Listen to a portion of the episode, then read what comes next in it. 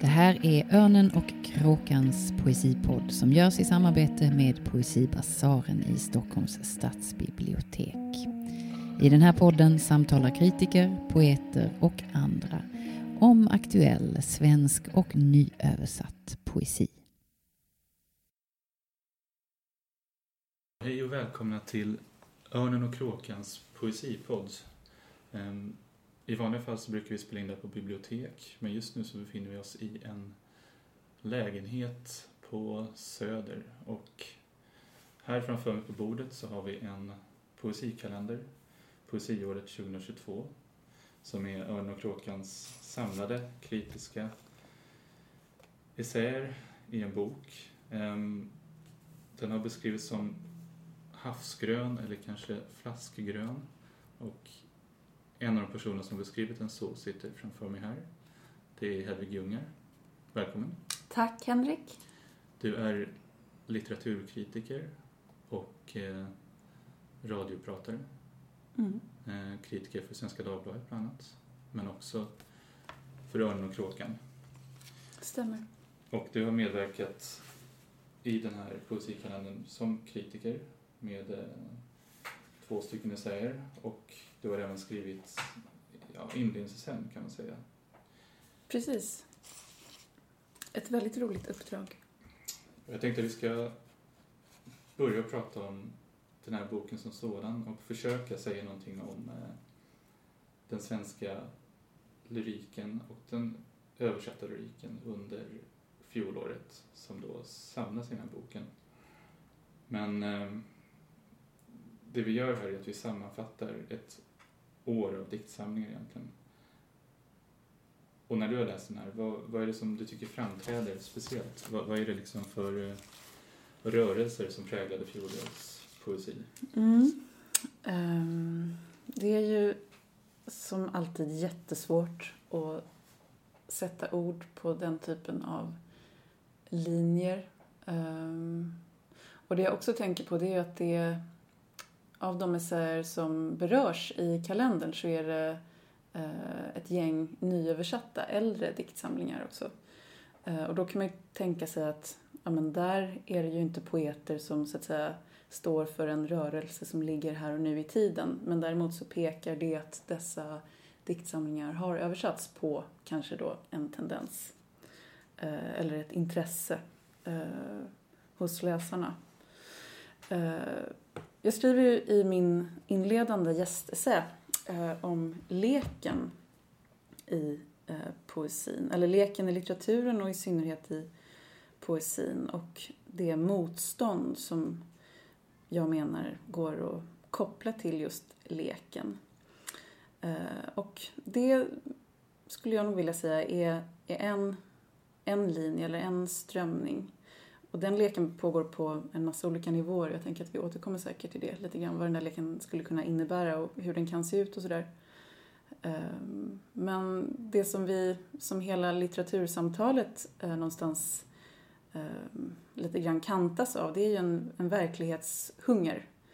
Ehm, och eh, jag tänker att poesin på olika sätt förhåller sig till eh, verkligheten. Alltså dels en hunger i, som man kanske märker ännu mer explicit i, i prosan. Då tänker jag på så här debatt om Alex Schulmans Bränna alla mina brev till exempel, eller Sara Meidels Ut ur min kropp. Ehm, men, men den finns också i poesin och ehm, jag menar, vi lever också i en tid och det, det, vi har ett år bakom oss som har varit eh, ohyggligt. Mm. Eh, och, och, och det här tänker jag, även om, om det inte är så många, och då menar jag såklart kriget, eh, Rysslands krig i Ukraina. Um, även om, om inte så många diktsamlingar adresserar kriget explicit så, så finns det ändå um, tecken på någon form av reaktion på, på det som pågår i verkligheten. Mm. Uh, någonstans det, där. Precis, och vi ska prata mer om det förstås. Men du tar ju upp de två stora litteraturdiskussionerna i år egentligen. Där man försöker nagla fast vad som är sant och vad som inte är sant. Och vad vad litteraturen kanske får vara i relation till världen. Men ser du det också i relation till hur vi läser poesi? Jag tänker att poeter är mycket friare i hur vi handskas med verkligheten. På ett sätt ja, kanske. Samtidigt så, du gör ju en spaning i din avslutande eh, essä där du kartlägger, eh, ja, men kartlägger året kan man säga. Där du skriver att det är ett starkt fokus på jaget. Mm. Um, och du... Uh, ja, men ett starkt fokus på jaget och kanske uh, snarare på jaget än på världen. Mm. Mm. Um, och på det sättet så... Ja, men du, det exemplet här så, så citerar du Nico Erfani som debuterade med varv. Mm. Mm. De skriver, jag önskar att jag kunde lämna mig själv.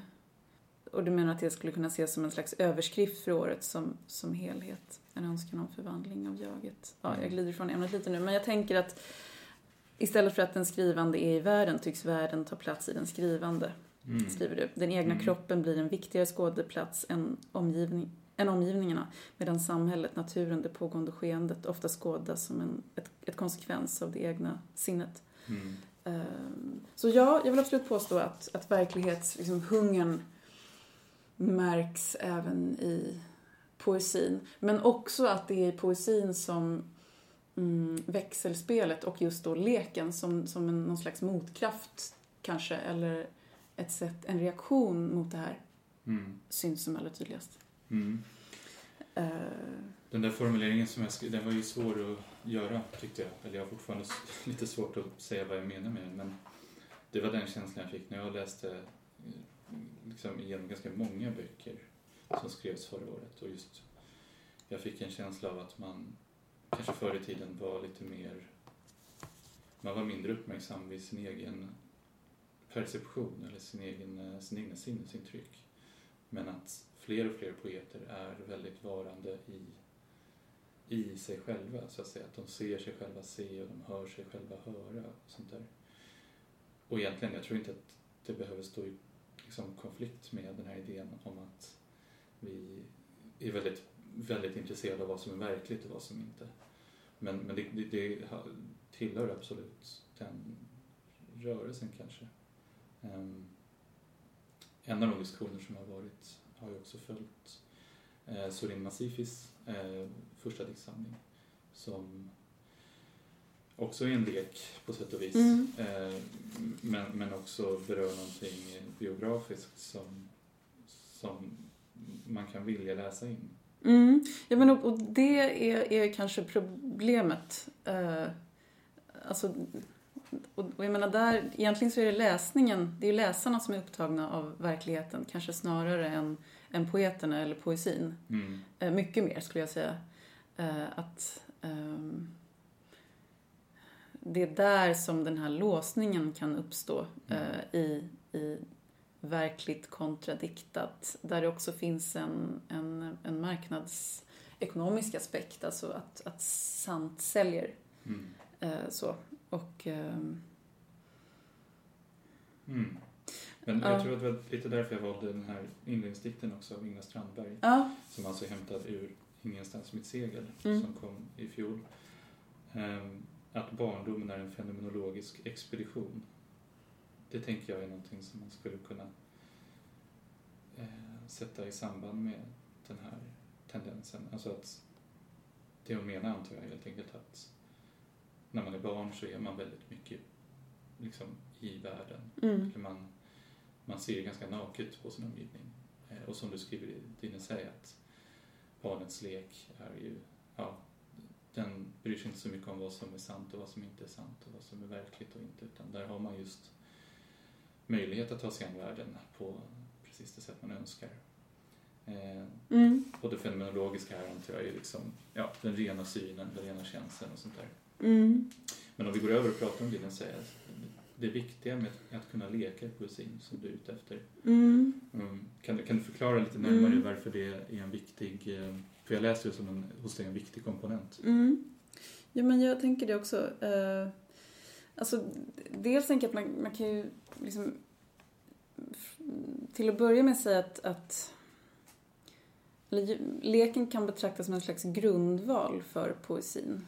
Uh, och då, då pratar jag om, om den språkliga leken. Alltså, en av diktens främsta grenar är att bryta mot språkets lag och ordning. Uh, uppfinna tillfälliga system. Eh, och ur det perspektivet skulle man kunna säga att det poetiska språket har ett, ett, eh, ett samröre med leken eh, på ett sätt som kanske skiljer den från prosan. Alltså det råder ett slags undantagstillstånd från grammatikens och, och syntaxens logik. Men sen, jag skriver också om, om Olga Tokarczuk här som likställer den här frågan som är, som är ganska vanlig. Har det hänt på riktigt? Uh, när man talar om litteratur. Hon, hon likställer den med litteraturens och läsningens slut. Och så skriver hon så här att i samma ögonblick som vi ställer den frågan så har vi förlorat förmågan att ha roligt i världen. Balansera på gränsen mellan det som finns och det som skulle kunna finnas. Det som ännu inte hänt och inte uppstått. Mm. Och då kan man fråga sig, vad menar Tokarczuk med, med slutet? Um, och ett problem med den här frågan har hänt på riktigt. Det är såklart att, att det, det, så kall, det, det förutsätter att det så kallade verkliga vore möjligt att definiera. Att, att det som har hänt vore möjligt att, att definiera. Mm. Uh, och det i sig utgår från ett, ett, ett, ett väldigt hierarkiskt motsatstänkande där diktat står mot verkligt. Uh, och med det där motsatstänkandet så får man liksom med sig på köpet en hel arsenal av motsatser. Ehm, som man då måste förhålla sig till. Bra och dåligt, högt och lågt, fint, fult, djupt och ytligt, relevant och banalt. Ehm, och, och jag tänker att i, i, alltså det går nog att, att bredda till all form av skapande och, och all, alltså det mesta egentligen. Att utifrån ett sånt motsatstänkande så är det svårt att, att komma någon vart. I synnerhet om man talar om då eh, poesin i termer av motstånd. Mm. Vilket jag menar att, att, att leken också inbegriper. Mm. Eh, en, en potential till motstånd. Mm. Men det, det, det är ju spännande tycker jag. Alltså lek som motstånd. Kan mm. du liksom konkretisera? Menar du ja. motstånd, politiskt motstånd eller ja, men precis. estetiskt uh, motstånd? Ja, ja, det kan ju handla om, om all, både och och flera saker. Uh, men... Uh, jag, jag tyckte när jag skrev den här avslutande scen som då handlar om liksom, årets, det vi kallar årets övriga böcker, alltså det som har getts ut men som inte har skrivit isär om. Mm. Att det kan finnas en liten brist på angelägenhet. Det är den här omvärlden smiter in liksom i kanterna lite grann tycker jag i den svenska poesin. Mm. Men den är aldrig riktigt fullständigt i centrum. Mm. Eh, de stora frågorna, klimatet, politiken glider undan ganska mycket. Och det det är inte nödvändigtvis dåligt men inte minst i relation till internationell poesi så tycker jag att det är ganska intressant att det finns någon slags eh, ja, självupptagenhet eller intresse för självet som genomsyrar den moderna svenska poesin. Mm. Jag håller med dig om det. Eh, men det som du också skriver, som du menar, jag citerade tidigare här, men vad som skulle kunna vara en slags överskrift till Poesiåret 2022 är just en önskan om, om förvandling av jaget. Mm. Uh, och jag tänker att um, det, måste inte, det måste inte vara en motsättning det här att um, fokuset på jaget, huden nämner också det kroppsliga. Uh, det och en, en, en fokuserad blick på politiken eller världen. För jag tänker att um, identiteten och huden och kroppen också är, är politiken. Mm. Och att, att på sätt och vis så är just det här förvandlingen som du nämner, den, det går verkligen att koppla till leken också. Man tänker sig ofta att leken är, är, är lite rolig och barnslig och att det är någonting som har att göra med något som inte riktigt är, är på allvar. Så. Mm. Mm. Uh, men, men jag tänker att det som leken har, har gemensamt med det som är är roligt och kanske det enda det är att, att, att den är anti-auktoritär. Mm.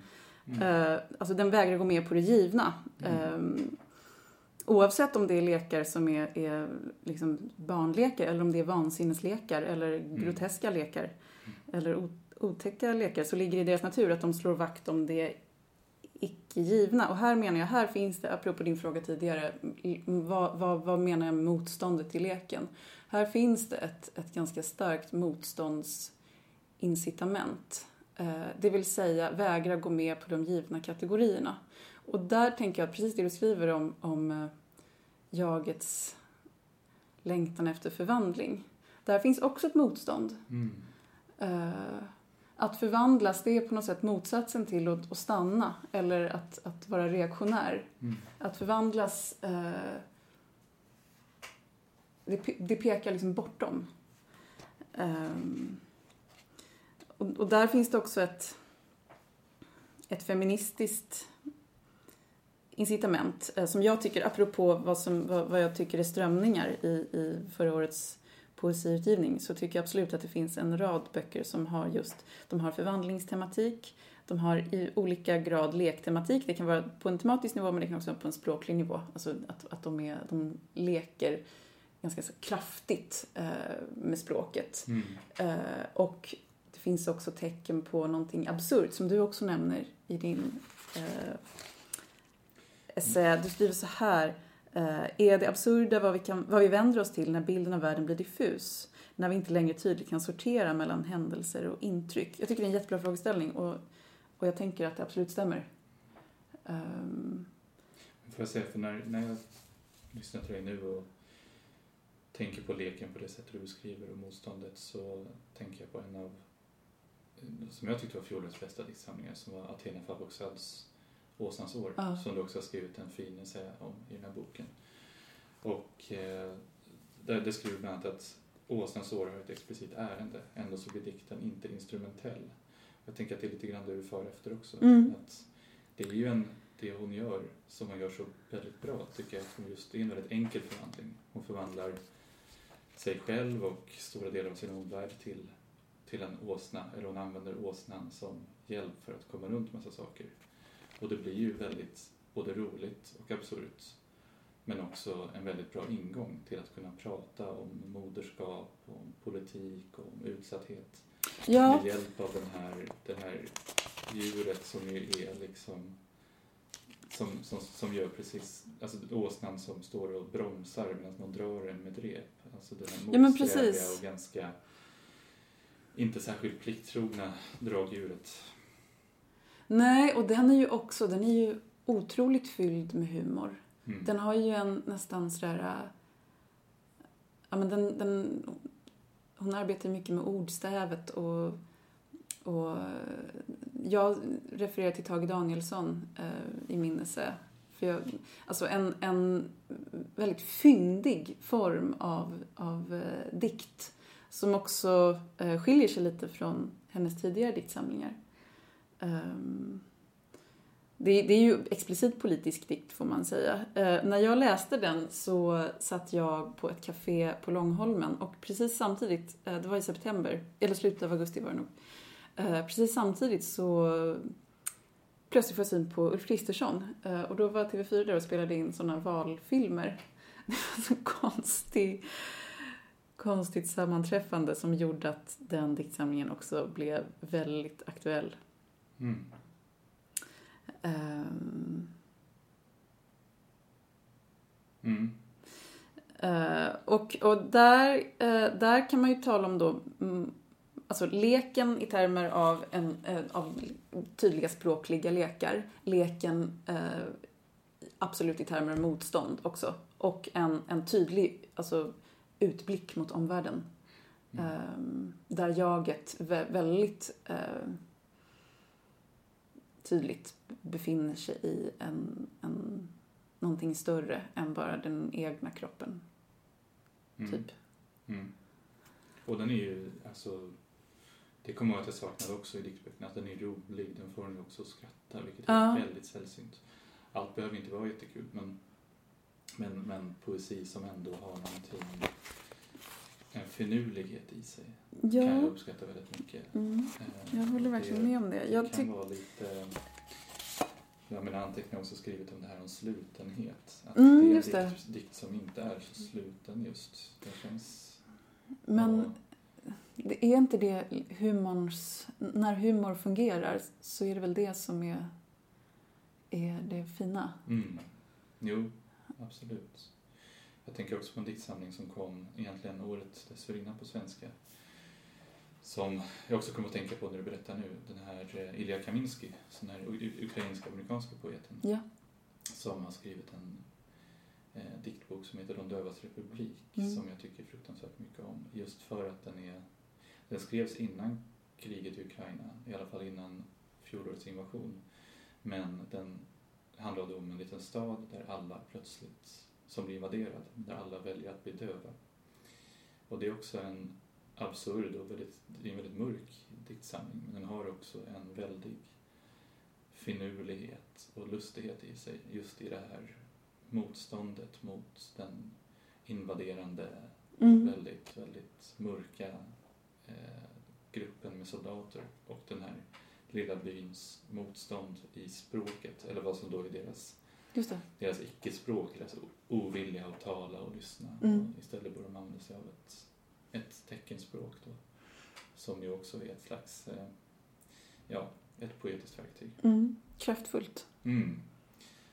Så, Men jag tycker att det där är en, en tendens som går att se i fler diktsamlingar. Jag tänker på en diktsamling som Du är inte full, du är fylld av Lina Ekdahl. mm. Som Sebastian Lönnlöf skriver om i, i kalendern.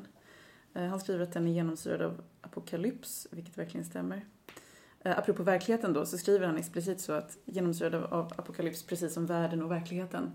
Eh, och samtidigt så är det en... Det, det, i, I språkligt så jobbar hon ganska mycket med att, att vända och vrida på så samtidsklyschor, alltså ett kommersiellt eller, eller ett, ett maktfullkomligt språk. Hon kan, ja men Sebastian Lönnlöf nämner till exempel, hon kan, kan använda såna här jättetrötta uttryck som eh, inte alla män och jag hör vad du säger. Eh, vilket också blir en ganska så uttalad civilisationskritik. Mm. Ehm, ett annat exempel är ehm, också med då lite mer feministisk udd är Lina Rydén Reynolds Använd dem som du vill som är en slags supergrotesk slaktarpoesi med väldigt satirisk udd. Otroligt mycket kroppsdelar och kroppsvätskor. Ehm, och så tänker jag på den här som du skriver om, eh, eller nämner, Nej, du skriver en essä om den. Eh, Joe Shapcott, Mm. Pissblomma. Mm. Eh, och där skriver, du skriver att det är en, en hon ger uttryck där för en kritik som är både humoristisk och mer levande än den rena protestdikten. Jag tänker att det går att koppla lite till eh, Åsnans år också. Mm. Hon är just rolig, hon är ju engelska och har en väldigt brittisk underfundig humor. Men upplever du den diktsamlingen som feministisk? Jo, det tror jag. Ehm, jag vet inte om hon skulle säga det själv, men den har definitivt en, ett starkt försvar av, ett utforskande av snarare den liksom, kvinnliga kroppen, kvinnliga inom parentes, men kroppen som sådan. Och det känns som att kroppsligt försvar per definition blir feministiskt. Mm. Men eh, det skulle hon nog säga ändå. Alltså den är ju väldigt... Det finns ett väldigt självständigt jag i den. Det finns en väldigt stark, starka band mellan kroppen och, och världen runt omkring. Ehm, den är rätt så... Lite sådär ekivok på ett vis också kanske. Mm. Um, något jag tänker på när vi pratar om det här det är ju att väldigt ofta så att just kvinnor är väldigt, kvinnliga poeter är väldigt intresserade, eller skriver väldigt mycket om den egna kroppen. Medan män kanske i mycket högre grad skriver om sina, liksom, sina sinnen, sina intryck. Håller du med om det? Ehm, ja, om jag ska svara lite snabbt sådär, ja. Och utifrån de böcker vi talar om. En till som jag vill nämna när vi pratar om det är den här boken Min första bikini av Elena Medel. Um, som Felicia Molinari skriver om i sin, sin essä. Och uh, ja, alltså jag, jag tänker att det absolut är så och att eh,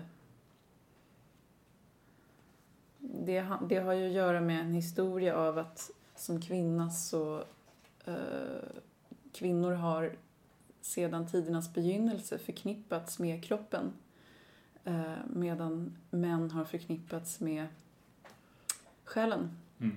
Eh, och att skriva kroppen eh, i, så att säga, text eh, kan inbegripa, eh, apropå motstånd, ett, ett starkt motstånd. Och det kan också ha med, återigen, med leken att göra, tror jag. Mm. Um, alltså jag menar, ska vi ta, titta lite bara på hur kvinnliga författare läses så, så är det ju fortfarande så att kvinnliga författare i väldigt hög grad eh, läses biografiskt. Eh, och det är ju ett sätt att också koppla texten till kvinnors kroppar. Eh, så jag tänker att Ja, nog, det är säkert så att, att kvinnor i högre grad skriver om kroppslighet men det handlar också om att kvinnor eh, trängs tillbaka kan man kanske, säga i sina kroppar. Eh, Felicia Molinari eh, skriver om precis det här i sin anmälan. Eh, och då är det så att på ins insidan av omslaget här så får man veta i boken att författaren Elena Medel, hon skrev den här eh, diktsamlingen när hon var mellan 13 och 16 år när hon fortfarande gick på högstadiet. Flera av dikterna skrevs på skolan längst bak i klassrummet. Ehm, och hon, eh, Felicia Molinari blir jätteirriterad på det här, vilket jag verkligen förstår. Ehm, um, skriver så här att fetischiseringen av ungdom, flickdom som diktsviten leker med förvanskas genom presentationen till en allvarlig utsaga om autenticitet som osynliggör dikten. Uh, jag tycker det är väldigt välformulerat. Jag tänker att, att verklighetshungern överlag som vi pratat om här nu fungerar precis så. Alltså att den, den osynliggör poesin. Och då menar inte jag att, att poesin är frånkopplad verkligheten. Det är mm. så att säga inte så att, att kroppen skulle vara ett problem mm. eh, i vår läsning. Men, men jag tror att eh, genom att fortsätta eh, fortsätta befästa den kvinnliga kroppslighetens betydelse för den litterära texten mm. Eh, så ja, men då, då, då fortsätter vi också upprätthålla just de här dikotomierna som som jag nämnde tidigare, alltså kropp-själ är ju, är ju en av, av, av flera sådana dikotomier. Uh, det låter lite på dig som att män också skulle kunna behöva vara mer i sin kropp kanske? Jag tänker att kanske snarare att uh, uppdelningen manligt, kvinnligt, kropp, själ uh, skulle behöva um, omförhandlas mm. lite mer. Mm. Och eh, att leka med de kategorierna är ju ett utmärkt sätt att, att göra motstånd just mot det där. Återigen förvandlingen som, som, mm. som du nämner också. Eh, och förvandlingen som någonting subversivt. Det vill säga vägra, vägra vara den, eh, den kropp eller den själ som ett, ett eh, så fruktansvärt långt västerländskt tänkande har mm. bestämt att vi ska vara. Och det finns ju de som gör det ska sägas. Typ Johan Jönsson är väldigt, kan ju vara väldigt kroppsnära ibland. Men ja. Jag tänker tillbaka på dem. Vi behöver inte bara prata om manligt och kvinnligt men om vi ska ta, ta de kategorierna så de diktböcker jag läste i fjol som jag tyckte var bäst av manliga författare det var sådär ofta äldre men Kjell mm. som gick bort i fjol, mm. Lennart Sjögren eh, som eh, båda skriver lite sådär, Kjell Esmark har ju sin rolldiktning. Det är också en slags förhandling, men han går in i andra, andra kroppar liksom, han går in i andra människor och skriver från deras perspektiv. Lennart Sjögrens Det röda äpplet handlar mycket mer om det är, det är ålderdomshemmets perspektiv och de här figurerna som finns där. Just det. Eh, men jag tycker bara att det är väldigt intressant att de här äldre diktarna har en sån nästan biografisk utblick. Mm. Eh, det finns något markant där. Men, medan yngre poeter kanske är just lite mer eh, kroppsnära, mer i sitt jag. Eh, Theodor Hildeman Mm, just det. Kärnor exempelvis var en sån diktbok som jag tyckte också väldigt mycket om men som ju är eh, betydligt mer eh, ja, fenomenologisk kanske är, rätt ord Mm, det Just det. sammanhanget. Mm. Ska vi... Hade du något mer att tillägga? Nej. Nej. Det som Edith Söderström skriver om i sitt förord och eh, jag tar upp lite grann också, det är det här med att kriget bryter ut Ja. eh, i början av förra året. Och Mm. man liksom, det, det är svårt att läsa poesi från 2022 utan att tänka på kriget. Mm. Därmed inte sagt förstås att den, att den finns med överallt, men vad, vad tänker du om, eh, liksom, för nu det kom ut, det kom, har kommit ut mycket ukrainsk poesi på svenska, eh, ett par antologier och sånt där, men tycker du att man som svensk poet eller kritiker behöver förhålla sig till kriget och hur, hur ska man göra det egentligen i poesin? Ja, det... Naturligtvis så förhåller man sig. Alltså o- oavsett man... Eller jag gör det i alla fall. Eh, hela tiden. Jag menar, kriget pågår och eh, det är omöjligt att inte förhålla sig till det. Um, Sen så är det ju, om man tittar på poesiutgivningen så är det ju egentligen en diktsamling som sticker ut och det är ju Ida Börjels eh, Ringa hem. Eh, som har en, en, en, en dokumentär utgångspunkt. Eh, Och det är alltså den här diktboken där hon eh, återger samtal från ryska, Ryska soldater, soldater, som ringer precis. hem till sina mödrar och flickvänner och liknande. ja, Eh, och det är grotesk läsning ofta. Ja, och väldigt dokumentärt. Mm. Och, ehm, det intressanta där med tanke på vad vi har pratat om är att den här är otroligt nära en verklighet. Mm. Den är otroligt sann. Mm. Så tillvida att den reflekterar ett faktiskt eh, skeende. Mm. Eh, finns det problem med det? Alltså, Maja Trane skriver i sin essä om, om den här boken och det faktum att man på något sätt måste ta sig an eh, termer av propaganda och sanningssökande. För att det är ju trots allt så att man, man griper in i någonting som eh, är verkliga ord om en verklig händelse. Jag tror kanske inte att, att den diktsamlingens styrka är just att, att orden skulle vara mer verkliga än Mm. andra, en annan poesi, faktiskt. Eh, för mig ligger inte dess relevans just i vetskapen om att det här är så att säga autentiska dokument. Eh, Däremot så plockar ju Maja Trane upp eh, Paul Celans tanke om, om motordet. Eh, Jag plockade fram och läste om Celan tack vare Majas fina text.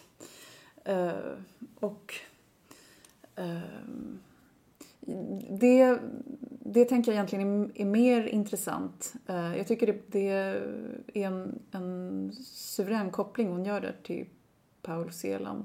Men det är inte eh, det autentiska som sådant som gör att det är en viktig diktsamling. Eh, Jag tror jag. Mm. Vad tänker du? Nej men alltså precis. Sedan är ju jätteintressant i det här fallet tänker jag. Han skriver förstås till bakgrund av andra världskriget och eh, de, de, de fruktansvärda katastrofer som berör honom själv där och hans Mm. familj. Och strävar ju alltså bort ifrån någon slags allmängiltig meningsfullhet om man kan säga så. Mm. Ehm, Gabriel Littgers Schnapp skriver väldigt fint om det där i eh, Nollpunkten, Ja. hans avhandling. Mm. Och det, det är svårt att omfatta här, men, men det finns en, en djup skepsis, tänker jag, till hur språket kan beskriva ett pågående skeende. Absolut. Som har hänt och ett, ett verkligt trauma och en, liksom en väg bort därifrån mot tystnaden. Och ehm, det är ju också en, eh, en, en, ett, så att säga, ett, ett sätt att ta sig an en katastrof som ett krig är ju att också visa på omöjligheten att eh, skildra kriget. Mm. Ehm, och det som är det jag tyckte var intressant med mycket av den poesi som har kommit ut från Ukraina är att den blir den gör ju någonting annat va? Än, än alla de rapporter vi får se från Ukraina. Alla de liksom, möjliga sanningar och osanningar. Eh, vår tids liksom, kaos av information där vi inte riktigt vet vad som stämmer och vad som inte stämmer. Eh, alla de här orden som kommer ut från en konflikt och där vi inte kan veta riktigt säkert vad som stämmer. Där, där får ju poesin också en roll av att vara just verklighetsfrånkopplad men ändå vara sann i sitt Mm. eget, om du förstår vad jag Mm. far efter. Eh, Maja Trane eh, tar upp ett, ett eh, citat där hon beskriver motsatsen till motordet. Och Man kan säga att motsatsen till motordet då, om man tänker poesin som motord, är ju krigsspråkets lögner. Till exempel frasen “det är inget krig, det är en specialoperation”. Mm. Det är ju, eh, jag menar det sägs ju hela tiden. Eh, så. Mm. Och det är ju, kan man ju verkligen säga då, är verklighetens språk, verklighetens grymma språk. Mm. Eh, I kontrast då till det, ehm, det autentiska vittnesmål som ryms i den här diktsamlingen. Ja. Ehm, det vill säga det, det faktum att makten ljuger, det har ju också hän, liksom, kopplats till att verklighet, till verklighetshungern och till att verkligheten har hög status. Ja, men om makten ljuger, då blir det, hur, hur ska vi då kunna lita på vad som är sant och inte sant? Då vill vi att det vi läser ska vara, då vill vi veta att det är sant, så att säga. Eh, och jag tänker att i en sån språklig, språkligt lögnaktig värld, eh, där kan ju diktens ord vara just ett slags motord, helt oavhängigt varifrån det kommer, så att säga. Mm. Och är ju det lite grann i sin natur, tänker jag. För att det finns ju en väldig grymhet i att utifrån en intervju eller en talarstol förneka att det pågår ett krig Mm. som händer i Ryssland och att verkligen försöka förvanska världen, Mm. förva- förvanska verkligheten med hjälp av språket. Men i poesin så har man inte de kraven. Man kan återge någonting, men man kan också återge någonting helt annat. Men att allt det här sker inom ett slutet system. Mm. Eh, Och, och det, alltså det eh, är också någonting som Iman Mohammed gör i sin eh, bok Minnen av infraröd. Eh, där skriver hon om precis det. Eh, får jag läsa högt? ja, förstås. Nattkula i munnen. Kulor når aldrig husen. Pappa ropar min cykel i bitar och öppningen. Blod över knäna når kropparna innan husen kontrolleras våra liv. En känsla som ett skott över våra liv. Lögner i TV. Ketchupreklam i TV. Missiler döpta efter mormödrar i TV. Språket som frukter i värmen, väsande. Formas frukterna in i kärnan, ruttnande i ljudlöshet. Skelörten skrattar åt de skjutande, dansar i rosenbuskar, blodet. Hon tar ju verkligen in världen, men leker ju också med den. Ja, Och sätter den i ett lite absurt ljus. ja men precis. Eh, och, och där, eh, på det sättet så, ja. Nej men, eh, jaget i världen, men också världen i jaget. Mm.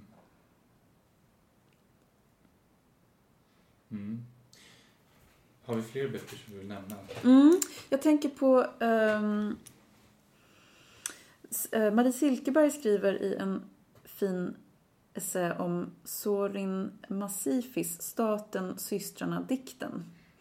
Eh, och här lyfter Marie Silkeberg fram bland annat hur eh, Sorin Masifi jobbar med frågan som vad hon menar är ett, ett, kan kallas ett kritiskt verktyg. Mm. Citat, ett redskap för motstånd, uthärdande, förvandling. Återigen där, förvandlingen. Mm. Mm.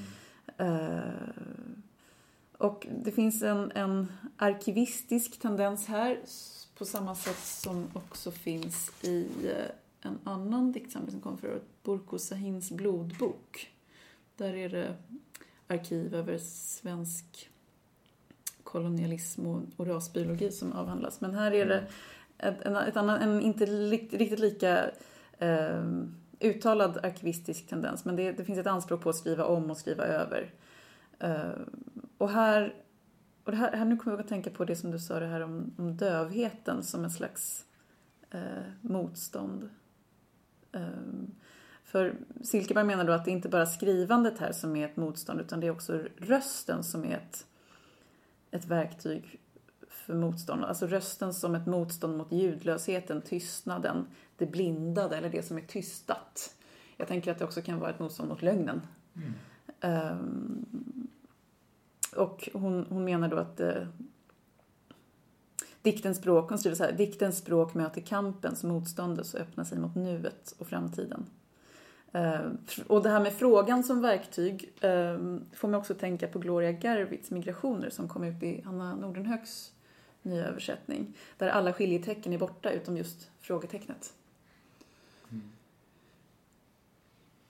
Den här boken som skrivs om och om igen kan man säga. Mm, precis. Eh, Och eh, blev hennes sista bok nu.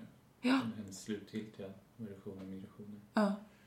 Och som också är ett, som poetiskt projekt tycker jag att det var väldigt häftigt att det var som att den här texten levde med henne organiskt. Ja. Och hon återkom till den om och om igen. ja. Eh, Det kan jag också tycka är ett, ett fint sätt att förhålla sig till text i en tid då vi skapar mycket nytt. Det Mm. skrivs mycket, mycket text. Det Mm. har aldrig skrivits så mycket text. Nej. Men hon liksom återtar ständigt sin, sin, sin ständiga text som hon skrev på sen 70-talet tror jag. Mm. Ja. Precis, jag, jag ville nämna den här eh, En adeptiemästaren av schack gör en inre färd i Sibirien av Mikaela Persson. Ja. Eh, som är hennes debutbok. Som kom på Feuilleton i, i våras, eller i, ja, för ett år sedan ungefär. Eh, också, och det här är egentligen bara väldigt bra sinnlig dikt, eller vi kallar sinnlig. Mm. Vi har pratat om att vara i jaget, men här är någon som är väldigt, väldigt uppmärksam på sina synintryck, eller på sina hörselintryck och synintryck och sina doftintryck, men inför eh, och, och, och som har någon slags fantasiresa i Ryssland. Och den vill jag egentligen nämna bara för att jag tyckte att den var väldigt, eh, eh, väldigt stark men också liksom befriad lite grann från eh, eh, samtidens nyckel på något vis. Den, den svävar lite grann över eh, ja, över samtiden kanske man kan säga. Mm. Vill du läsa? Ehm, jag kan läsa någonting då. Jag kan Mm. läsa en dikt som heter Moskva. Mm. Jag undrar om det alltid ska förbli en dröm när jag ligger under det varma täcket och hör din fluffiga vind i högtalaren. Moskva, tänk att vinden kan fångas på en ljudfil. Det är de fyra elementens vind. Tiden har aldrig funnits här. Du susar som i en snäcka. Ett storslaget fallande. Vad heter dina fåglar? Ditt namn har vitt fågelkvitter i mitten. Och det slutar i en suck.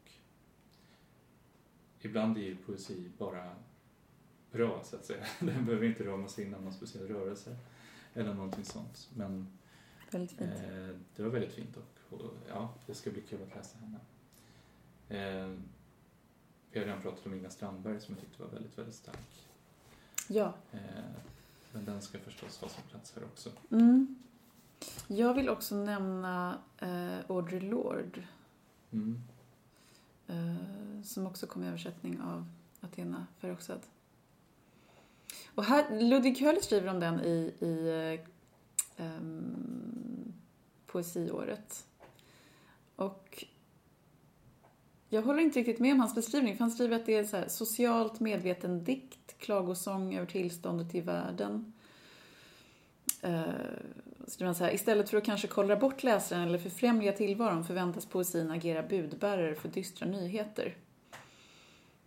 Jag tycker att det, den beskrivningen kanske gör uh, den här dikten väl instrumentell. Jag håller inte med om att, att det är riktigt så, utan även här finns en, en humor och faktiskt också någon form av lek. Och hon har ju varit väldigt stor här de senaste åren. Vad säger något kort om Audre Lorde? Ja, um, vad ska vi säga? Jätteviktig poet under 70 och 80-talet. Mm. Um, den här diktsamlingen heter Den svarta enhörningen. Gunther Ellerströms. Um, dikterna är ju från är ju från, är de bara från ett år kanske? Ja, den, den är ju från, den är från 78. Mm. Um, det är ju en, en diktsamling som handlar om raseri mycket. Raseri över ett förtryck uh, med ett, ett, väldigt påtagligt feministiskt perspektiv.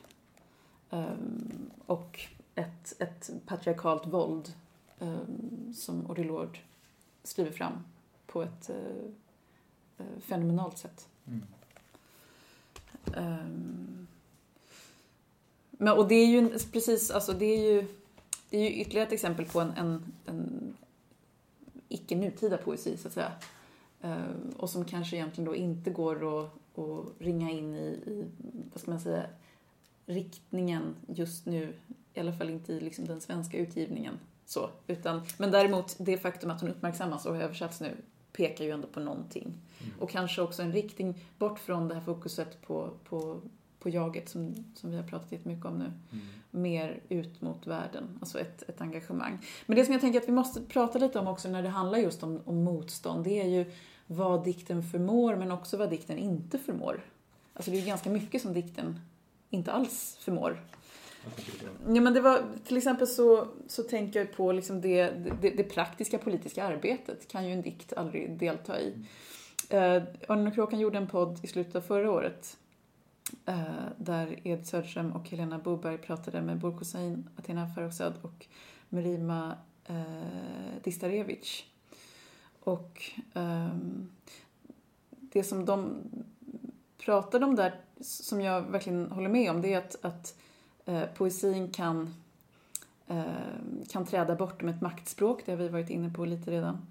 Ehm, de pratade om, om det här med att men, på samma sätt som verkligheten formar språket så, så skapar vi också vår verklighet med språket. Det vill säga verkligheten är avhängig det språk vi använder. Med det sagt så kan vi också påverka vår verklighet. Ehm, men, men däremot så eh, vill man ingripa i världen på ett konkret sätt, då räcker det ju varken att skriva poesi eller skriva om poesi i termer av kritik. Eh, och jag tänker att den, det pratade de också om i det samtalet och jag tycker att det är klokt att klargöra det.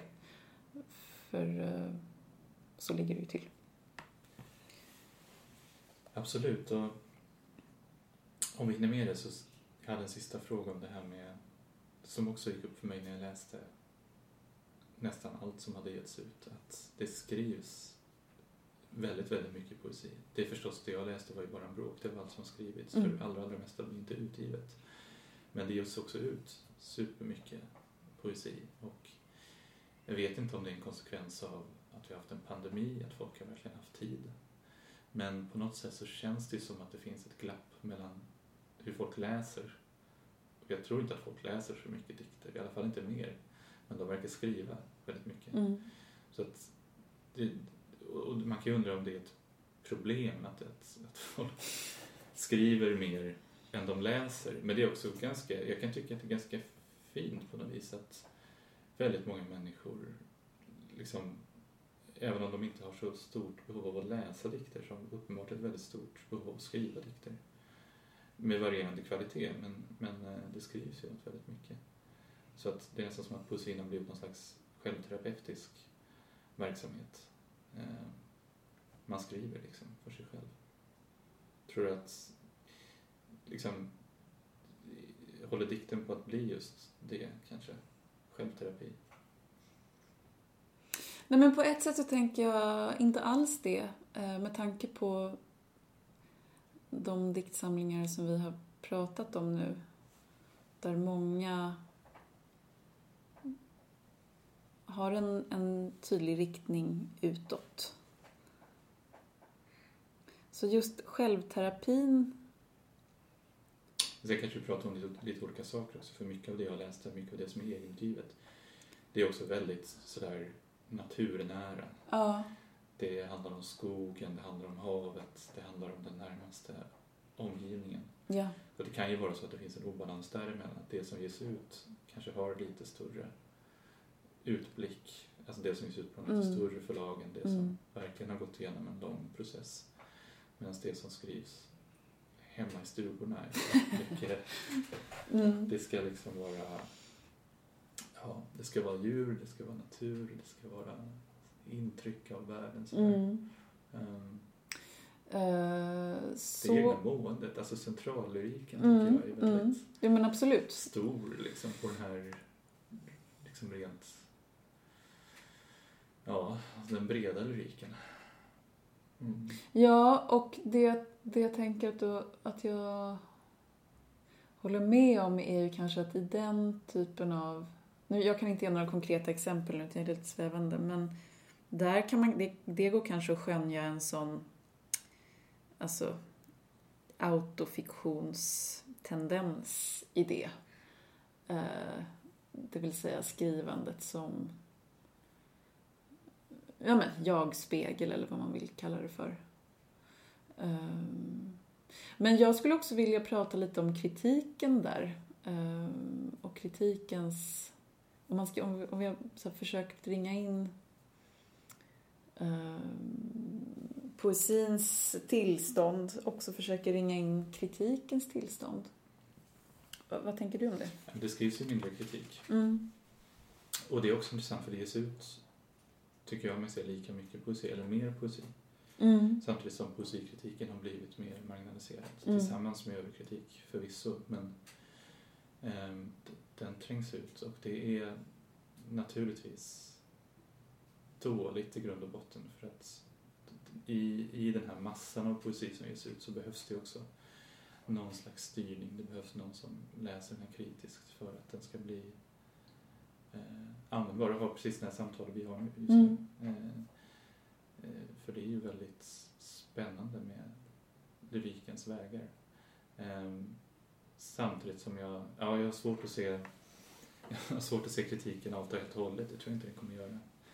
Eh, men det är klart att den blir mer den blir lite mer specialiserad och kanske i viss mån också lite mer akademisk. Alltså den flyttas från de breda läslagren till liksom specialläslager Mm. och den akademiska läsningen. Mm. Det, det skulle kunna vara ett problem. För att, ehm, den här folkliga, om man tar 70 och 80-talet exempelvis, så det kanske är ett romantiskt skimmer från vår sida som är födda senare. Så, där kändes det som att poesin just hade större möjlighet att gripa in i, eh, i, eh, i världen, i politiken. Mm.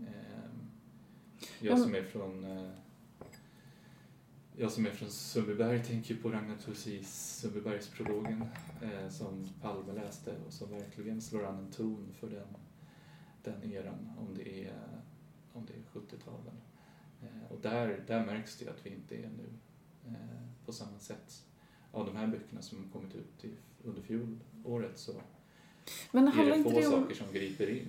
Liksom. Ja, men det är också ett, ett problem att kritiken dels ska förhålla sig till det konsumentupplysande eh, förhållandet. Mm. Eh, där i synnerhet kanske poesikritiken måste hela tiden göra sig förtjänt av sin plats. Eh, och därmed blir det ännu viktigare då att, att eh, tror jag, trycka på just de, den konsumentupplysande delen, vilket ju jag inte tycker eh, hör hemma i kritiken överhuvudtaget faktiskt. Mm. Där kan man ju ha väldigt olika uppfattning, men eh, jag tycker inte att det är konsumentupplysning. Jag tänker också att det du säger, det är intressant här du säger om det akademiska, eh, för att poesikritiken är ofta väldigt smart, och det säger jag då inom citationstecken, att det finns en, en, ofta så, så är den ganska så fast kanske i, i att eh, ja, men göra läsaren medveten om kritikerns stora kunskap. Kanske lite mer än när det handlar om övrig litteraturkritik. Eh, lite som så viss musikkritik där recensenten eller kritiken gärna radar upp alla konserter som den har varit på med den här personen tidigare. Mm. Eh, en sån redovisande kritik som är ganska tjatig och ointressant. Men jag tänker samtidigt att det skulle kunna vara så att, att kritiken i takt med att den blir marginaliserad också vågar ta lite större risker kanske. Alltså vågar vara lite mer rolig, eh, lekfull kanske. Inte lika duktig. Eh, mer essayistisk faktiskt. Så som, så som man ju faktiskt får vara också i på Örnen och kråkan, vilket är fantastiskt. Eh, och vilket hela den här jättefina kalendern ju är ett, ett utmärkt exempel på. Eh, det är ju väldigt olika typer av essäer. Alltså det, det, finns eh, de som är akademiska men det finns också de som är väldigt personliga och, och roliga. Ehm, jag fick ett bra, bra citat om just det här med ehm, poesins och kritikens eh, likhet och att det kanske egentligen inte är någon skillnad. Där tycker man ju också väldigt olika. Det finns ju definitivt poeter som inte alls tycker att kritik är poesi och säkert kritiker som inte, eh, inte tycker att Alltså jag menar poesi är ju inte kritik naturligtvis, men det finns ändå, bägge är ju skapande praktiker med språket och eh, jag fick ett bra citat av Erik Lindman Mata ehm, där Birgitta Trotzig skriver ett förord till Speglingar ehm, av eh, Erik Mesterton. Och då skriver hon så här. Somliga föds skapare, andra mottagare utan tvivel. Men somliga är mottagare på ett så extremt skapande sätt att det med särskild tydlighet framgår hur det i verkligheten bara rör sig om förgreningar från samma rot. Mm. Och det tycker jag är en väldigt... Eh, det är en... Eh, jag blir upprymd av att tänka på det. Vi får låta Trotsigs ord de sista tror jag. Nu är det dags att avsluta. Men tack så jättemycket Hedvig för att tack, du ville och prata om det här. Det var ett väldigt intressant samtal. Tack. Så det tycker jag med. ska vi se om vi kan... Ja, det var exakt en timme.